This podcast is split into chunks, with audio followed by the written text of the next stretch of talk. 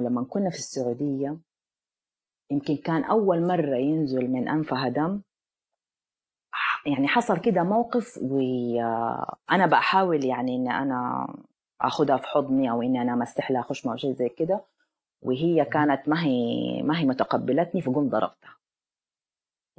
آه وصارت تبكي. ولما هي بتبكي طبعا ما تبغاني بتنفر مني بزيادة وأنا خلاص يعني وقتها مع الغضب ماني شايفة قدام. يعني كيف أيوة. كيف تجرؤي إنك تبعديني عنك؟ فاستوعبت طبعا هذا وك... خلاص أنا already resident في ال psychiatry. استوعبت إنه هي قرنت إنه لما ينزل من أنفها دم في مشاعر سلبية معاه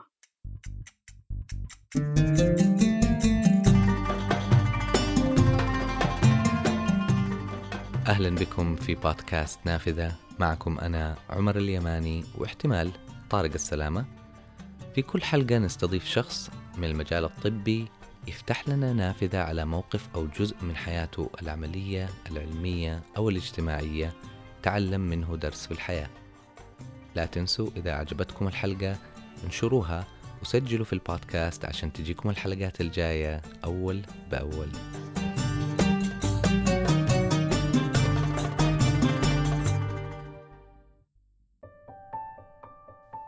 الأمراض العقلية والنفسية.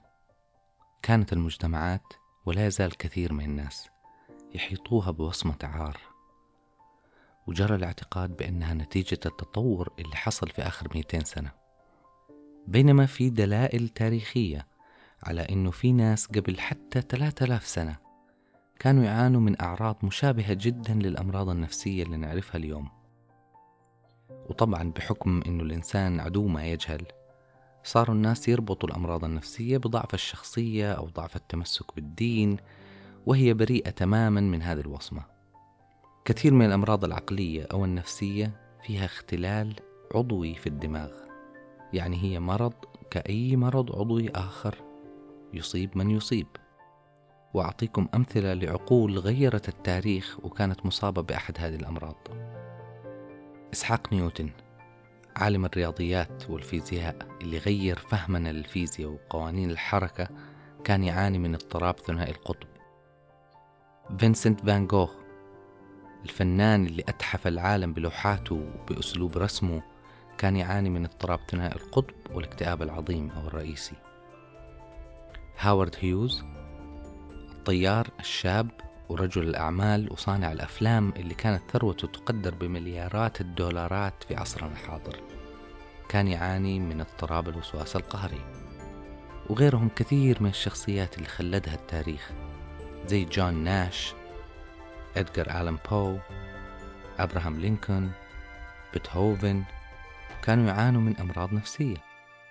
اليوم معي الدكتورة روزان عمدة.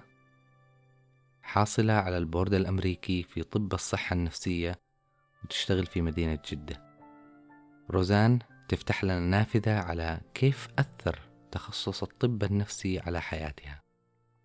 نبدأ. بسم الله.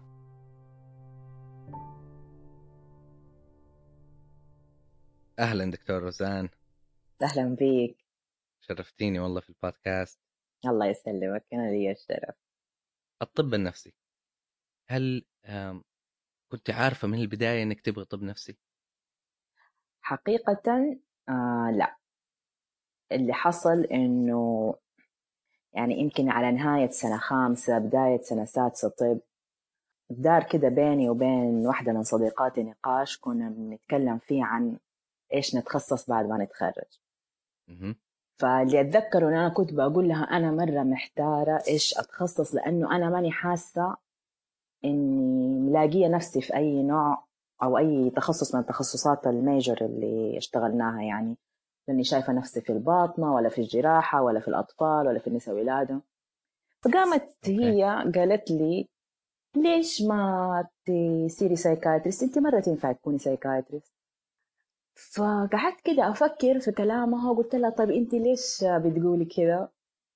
فتكلمت عن إنه كيف انه أنا مستمعة جيدة وكيف إنه أنا لما هي مثلا تستشير آه صديقاتها الأخريات يعني في بعض المشاكل ولما تيجي تستشيرني أنا في نفس هذه المشاكل كيف إنه ردود أفعالي أو أو الطريقة اللي أتعاطى بها معها في هذه الحوارات بتكون مختلفة عنهم وبتكون مريحة لها هي.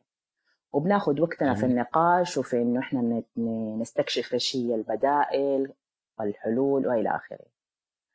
فصراحة فتحت لي كده باب خلتني آه، أوقف كده أتفرج على نفسي كده وأستوعب القدرات حقتي وأرجع بالزمن يعني لورا أكتر وأفتكر كيف إنه فعلا أنا بكون ملجأ لصديقات أخريات لمعارف في العيلة.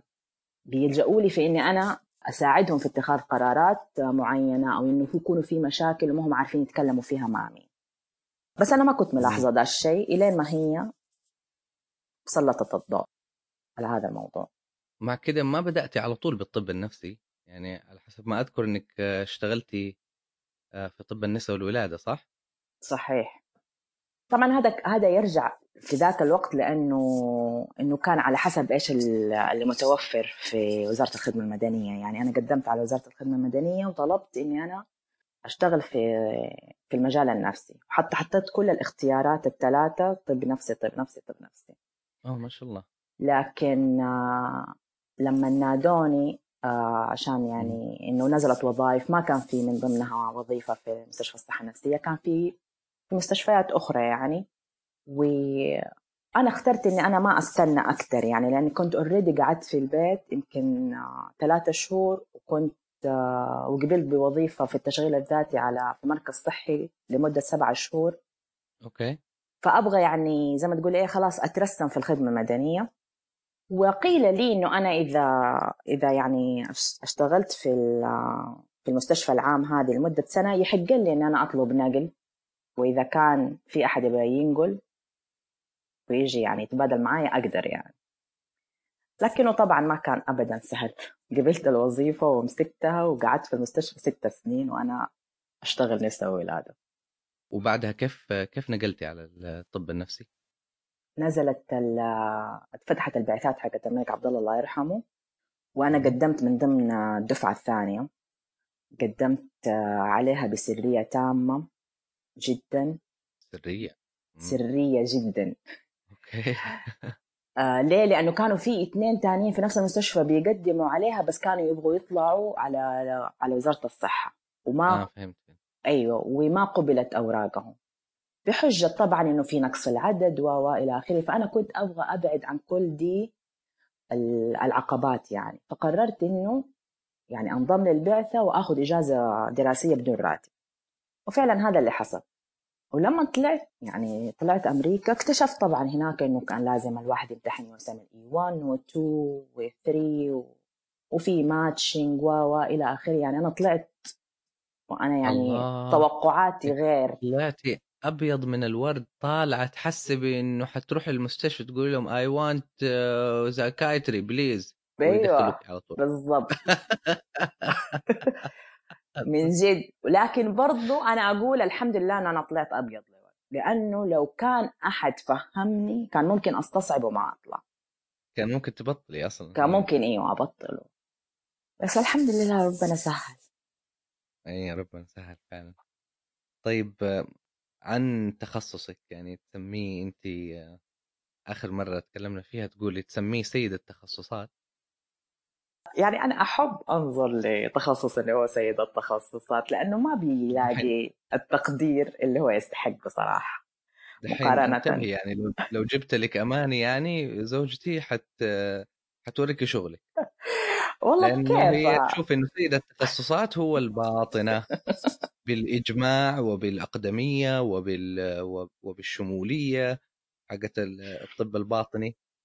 فليش ليش ليش أنت تبغي الطب النفسي بإنه يسمى بسيد التخصصات؟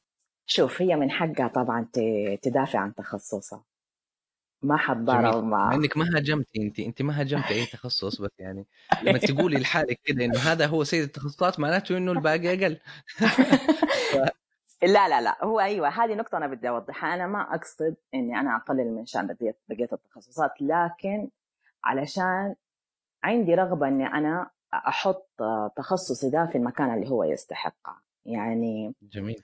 إحنا مهم. إحنا أطباء بنتعامل مع أكثر شيء بنتعامل مع عقل الإنسان وفكره وإدراكه. ومن وجهة نظري أنا هذه الحاجات يعني إذا صلحت حال الإنسان يصلح والعكس صحيح. يعني إحنا نعرف إنه في كثير ناس من المؤثرين والمبدعين واللي تركوا إرث للمجتمع وللتاريخ سواء في الوقت الحاضر أو في الزمن الماضي.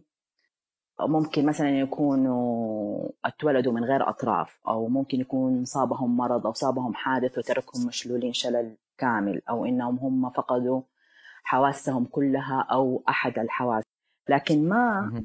لكن ما وقف آه، هذا الشيء في طريق آه، إبداعهم وتميزهم. آه. أيوه لأنه صحتهم النفسية معتنى بها سواء من قبل أهاليهم أو من قبلهم هم نفسهم وتحفيزهم لنفسهم. فعندهم الوعي وكان عندهم الإدراك إنهم هم يستمروا وي وي وي ويصارعوا ال- التحديات. جميل. لكن المريض النفسي ما حتقدر تحفز إنه هو يهتم بصحته الجسدية إذا هو مثلا يعني على سبيل المثال للحصر إذا هو مكتئب.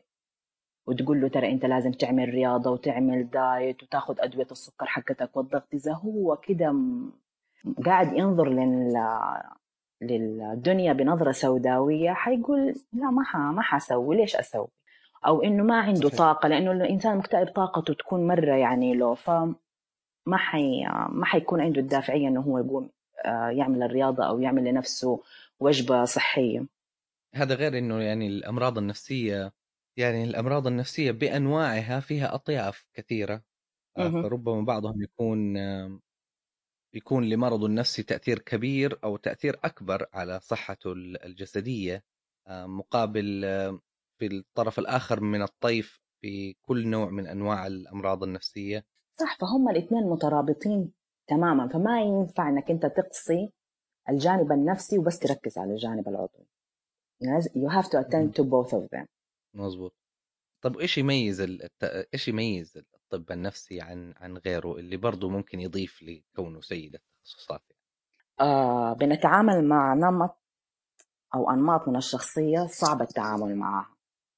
ممكن يعني مهم. ناس كثير يت يعني يحاولوا إنهم هم يتجنبوا التعامل مع هذه الأنماط. يعني يعني أنا مثلا دحين حأسألك كم مرة سمعت أو قرأت عن تجنبوا الناس السلبيين لا تحط نفسك بالناس المحبطين خليهم يولوا ويدقوا راسهم في بعض عارف؟ دي الحاجات كلها بس. أيوه أيوه.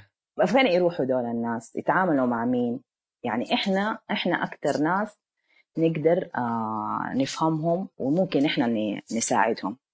تكمن الصعوبة في التعامل معهم إنهم هم تكون آه ما يكون عندهم مرونة في التفكير نظرتهم لل للدنيا تكون مشوهة تكون عندهم آه، قدرتهم على إدارة مشاعرهم ضعيفة فتحطهم في مواقف صعب انهم هم يسيطروا على مشاعرهم أو إنه تصدر منهم سلوكيات غير مقبولة فتلاقيهم يعني ينبذوا من. من الوسط المجتمع. المجتمع أو الاصدقاء أو كذا يعني أنا أتذكر أتذكر يعني عندي قصة على ذا الموضوع كان لما كنت في أمريكا في ثاني سنة في ال residency مهم. عملوا لنا consultation أو استشارة على patient مريض كان متنوم في المستشفى بينتظر إنه تعمل له زراعة قلب. okay. آه كان مركب جهازين ال VAD اللي هو الجهاز اللي يساعد آه، عضلة القلب على ضخ الدم. أيوه. أيوه. كان له يمكن تقريبا أربع شهور متنوم في المستشفى. مهم. نادونا ليه؟ نادونا لأنه هو بدأ في الفترة الأخيرة يتدرج ما بين إنه هو يتلفظ على على الطاقم التمريض ويثير حفيظتهم إلى إن في الأخير قال أنا أتمنى إني أنا أموت. فطبعا هنا تعرف يعني في أمريكا تتمنى إنك تموت وإنت بتستنى زراعة قلب. طيب أنت تبى تموت ولا تبى تزرع قلب؟ عارف؟ أيوه مظبوط. فقاموا أيوه فقاموا كلمونا إحنا psychiatrist نيجي ف فديك الأيام ال team حق الطب النفسي حط ال plan كالتالي إنه إحنا اسبوعيا نزوره. وأنا كنت ال- الشخص اللي اسبوعيا أروح أمر عليه وأقضي معاه من نص ساعة إلى ساعة إلا ربع. okay. وصراحة هو كان إنسان صعب وضخم ويعني نوعا ما كان يوترني في البداية من ناحيتين من ناحية إنه هو يعني ال personality حقته tough وأنا لسه دوبني سنة تانية طب نفسي لسه ما أعرف okay. آه كيف أتعامل مع دي آه، مع دي الحالات. لكن لقيت إنه ال toughness هذه كانت وراها يعني طبعا بعد يمكن ثمانية أو تسعة زيارات. كان وراها كده شخصية جدا ضعيفة وخايفة. يعني جاء في يوم قال لي جاء في يوم قال لي أنا ما كنت قادر أنام أمس. ليه ما كنت قادر تنام؟ لأني كنت خايف. كان نفسي أبكي. طب وبكيت؟ لا ما بكيت. ليه؟ قال ما أعرف. ينفع أبكي؟ ما أعرف كيف أبكي. أيوه. قلت له ليه؟ إيش ممكن يحصل لو لو بكيت؟ قال ما أعرف. قلت له طب ليه ما تجرب؟ يعني حتكون بينك وبين نفسك ما حد حيعرف يعني إنك أنت بكيت يعني لو إنك يعني كده أظن كان النقاش اتخذ هذا ال- الجانب يعني. انه إنه إيوه بينك وبين نفسك حيكون ما حد حيعرف. الزيارة اللي بعدها طبعا قال لي أنا بكيت وارتحت وشكرا إنك أنت سمحتي لي إني أنا. وبعدين طلع شعور تاني إنه هو عنده تأنيب ضمير إنه هو قاعد يستنى أحد يموت عشان ياخد قلبه. أيوه. عارف هي هذه هي يعني هي هذه ال beauty اللي أنا أشوفها في التعامل مع الناس. إنه أنت مم. you can reveal ال insecurities اللي hidden ورا ال ورا البعبع المخيف ده تقدر تطلع ال... أيوه تقدر تطلع ال... جوانب زعزعة في في ثقة النفس لدى شخص يعني شكله شخصيته شخصيته عنيفة أو تعامله فظ أو جاف بالضبط إنه أنت أنت لازم تكون متأكد إنه كل إنسان مهما با مهما كان فظ وغليظ من الخارج ما الا ما يكون فيه له شيء طيب من جوا ومحتاج هذا الشيء الطيب يطلع. امم حلو. هذا غير أم. طبعا إنه إحنا يعني ما عندنا أدوات نستخدمها إلا عقلنا في التعامل مع جميل. الناس هذول. فمرة صعب. طيب يعني أنا أحس إنه تخصص الطب النفسي من الأشياء المميزة له يعني بشكل كبير هو طريقة ال- طريقة التشخيص تعتمد بشكل كبير جدا على الشيء اللي أنا يعني ما قد- ما لقيت له اسم ثاني غير التشريح النفسي يعني مم. لما آه، التخصصات الثانية إحنا بنسأل المريض بناخذ تاريخ الحالة وبعد ما ناخذ تاريخ تاريخ الحالة نخمن إيش مم يعني نسوي الفحص السريري وبعدين نخمن إيش ممكن يكون التشخيص بعدين نرسل أشعات وتحاليل وفحوصات وهذه الأشياء عشان نؤكد ال- التشخيص اللي في بالنا. آه، بينما في الطب النفسي رغم إنه الطبيب النفسي بيرسل بعض التحاليل وبيرسل بعض الاشعاعات لكن أهم وسيلة للتشخيص عند الطبيب النفسي هو إنه يشرح نفسية الشخص اللي قدامه بالكلام. وأنا أحس هذا الشيء صعب جدا يعني ما أتخيل نفسي ابدا إني أنا ممكن تكون عندي القدرة على تشريح نفسية وشخصية وعقل شخص أمامي بمجرد الكلام معاه رغم إني أنا أعتبر نفسي إني أنا إنسان سوشيال جدا يعني واجتماعي وأتك... ويعني أعرف آه، أقرأ لغة ال- لغة الجسد من الناس أو أقرأ تعابيرهم وإحساسهم من تعابير وجههم ولغة جسدهم و- ونبرة صوتهم والكلام اللي بيتكلموه لكن أشوف شيء صعب جدا علي إني ممكن أشرح عقلهم تشريح بمجرد الاستماع والكلام والسؤال والنقاش.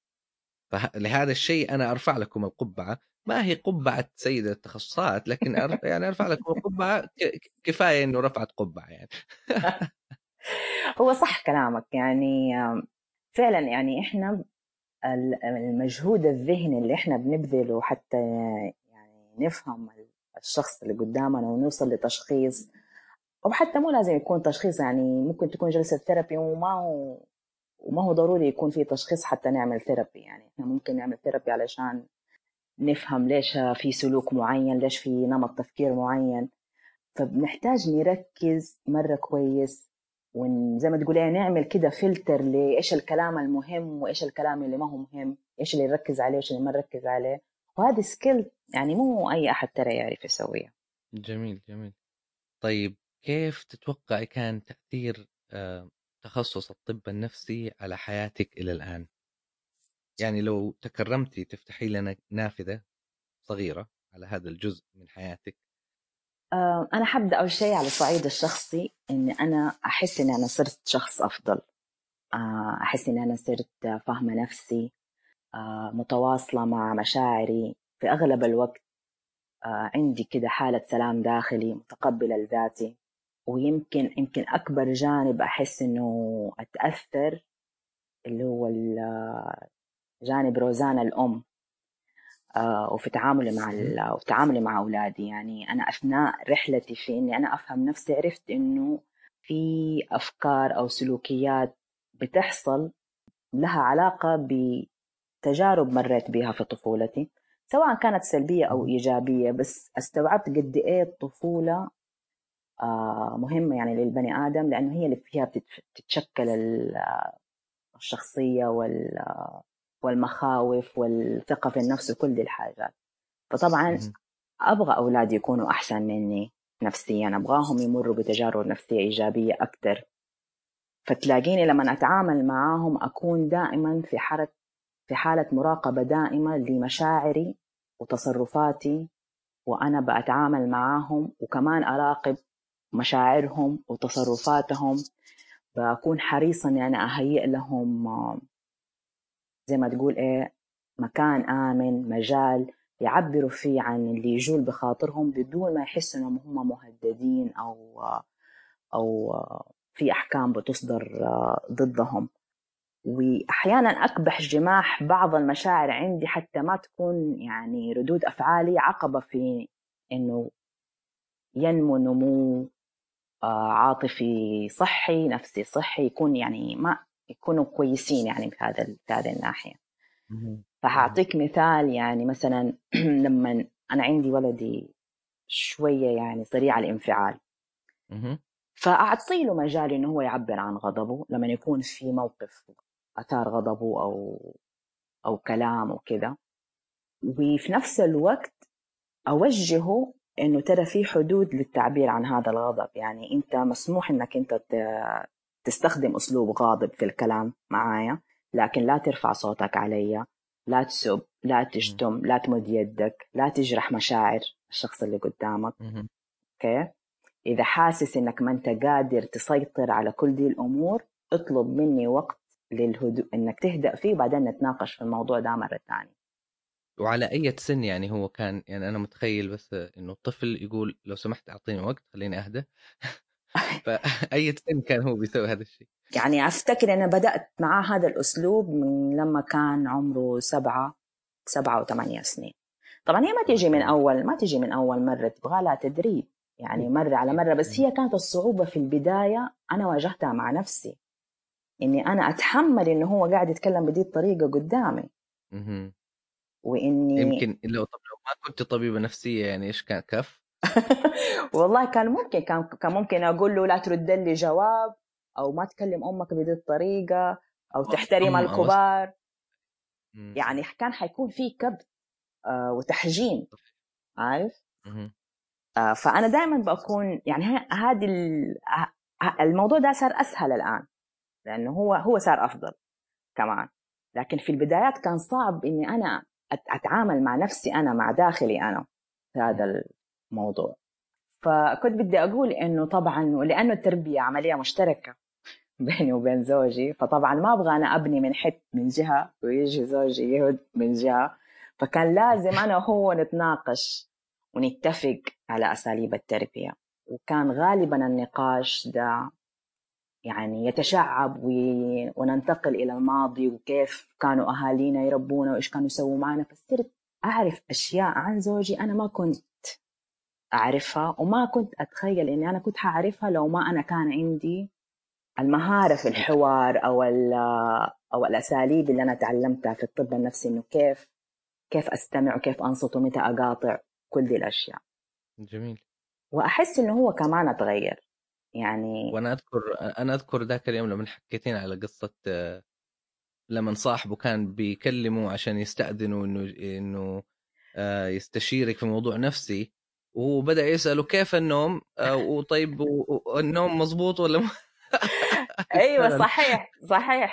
يعني أنا هذه كمان مرة دهجتني لأني أنا ما كنت أنا ما كنت عارفة إيش الموضوع وفجأة كده إيه. لقيته بيسأل بعدين قعدت اطول بو... يعني بياخذ تاريخ الحالة فجأة. بياخذ معلومات عشان إيش يكلمني فيها بعدين. قلت والله عجيب. قال أنا المفروض تديني شهادة فخرية.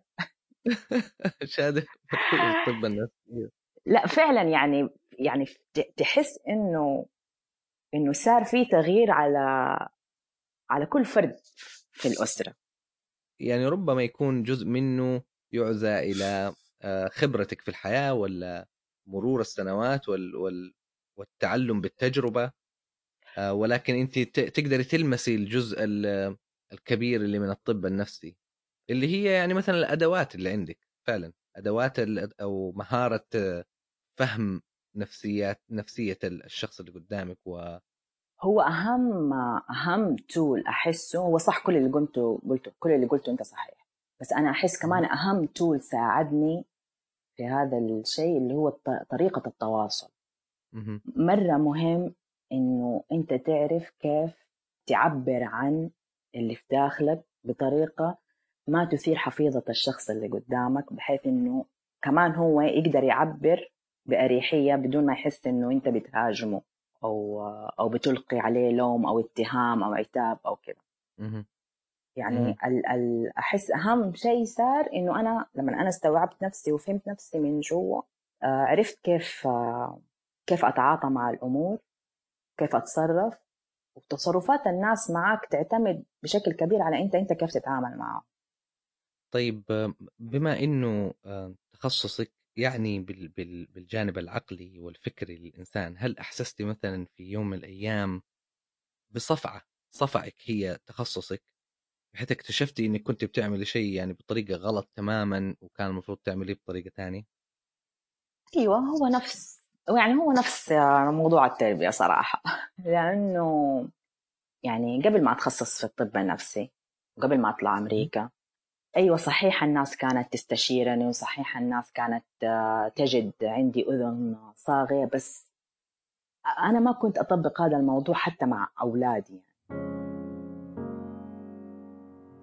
أتذكر بعد ما جيت أمريكا كانت بنتي رغد كل ما يعني كان عندها رعاف. كل ما ينزف دم يعني أنفها تبكي وت...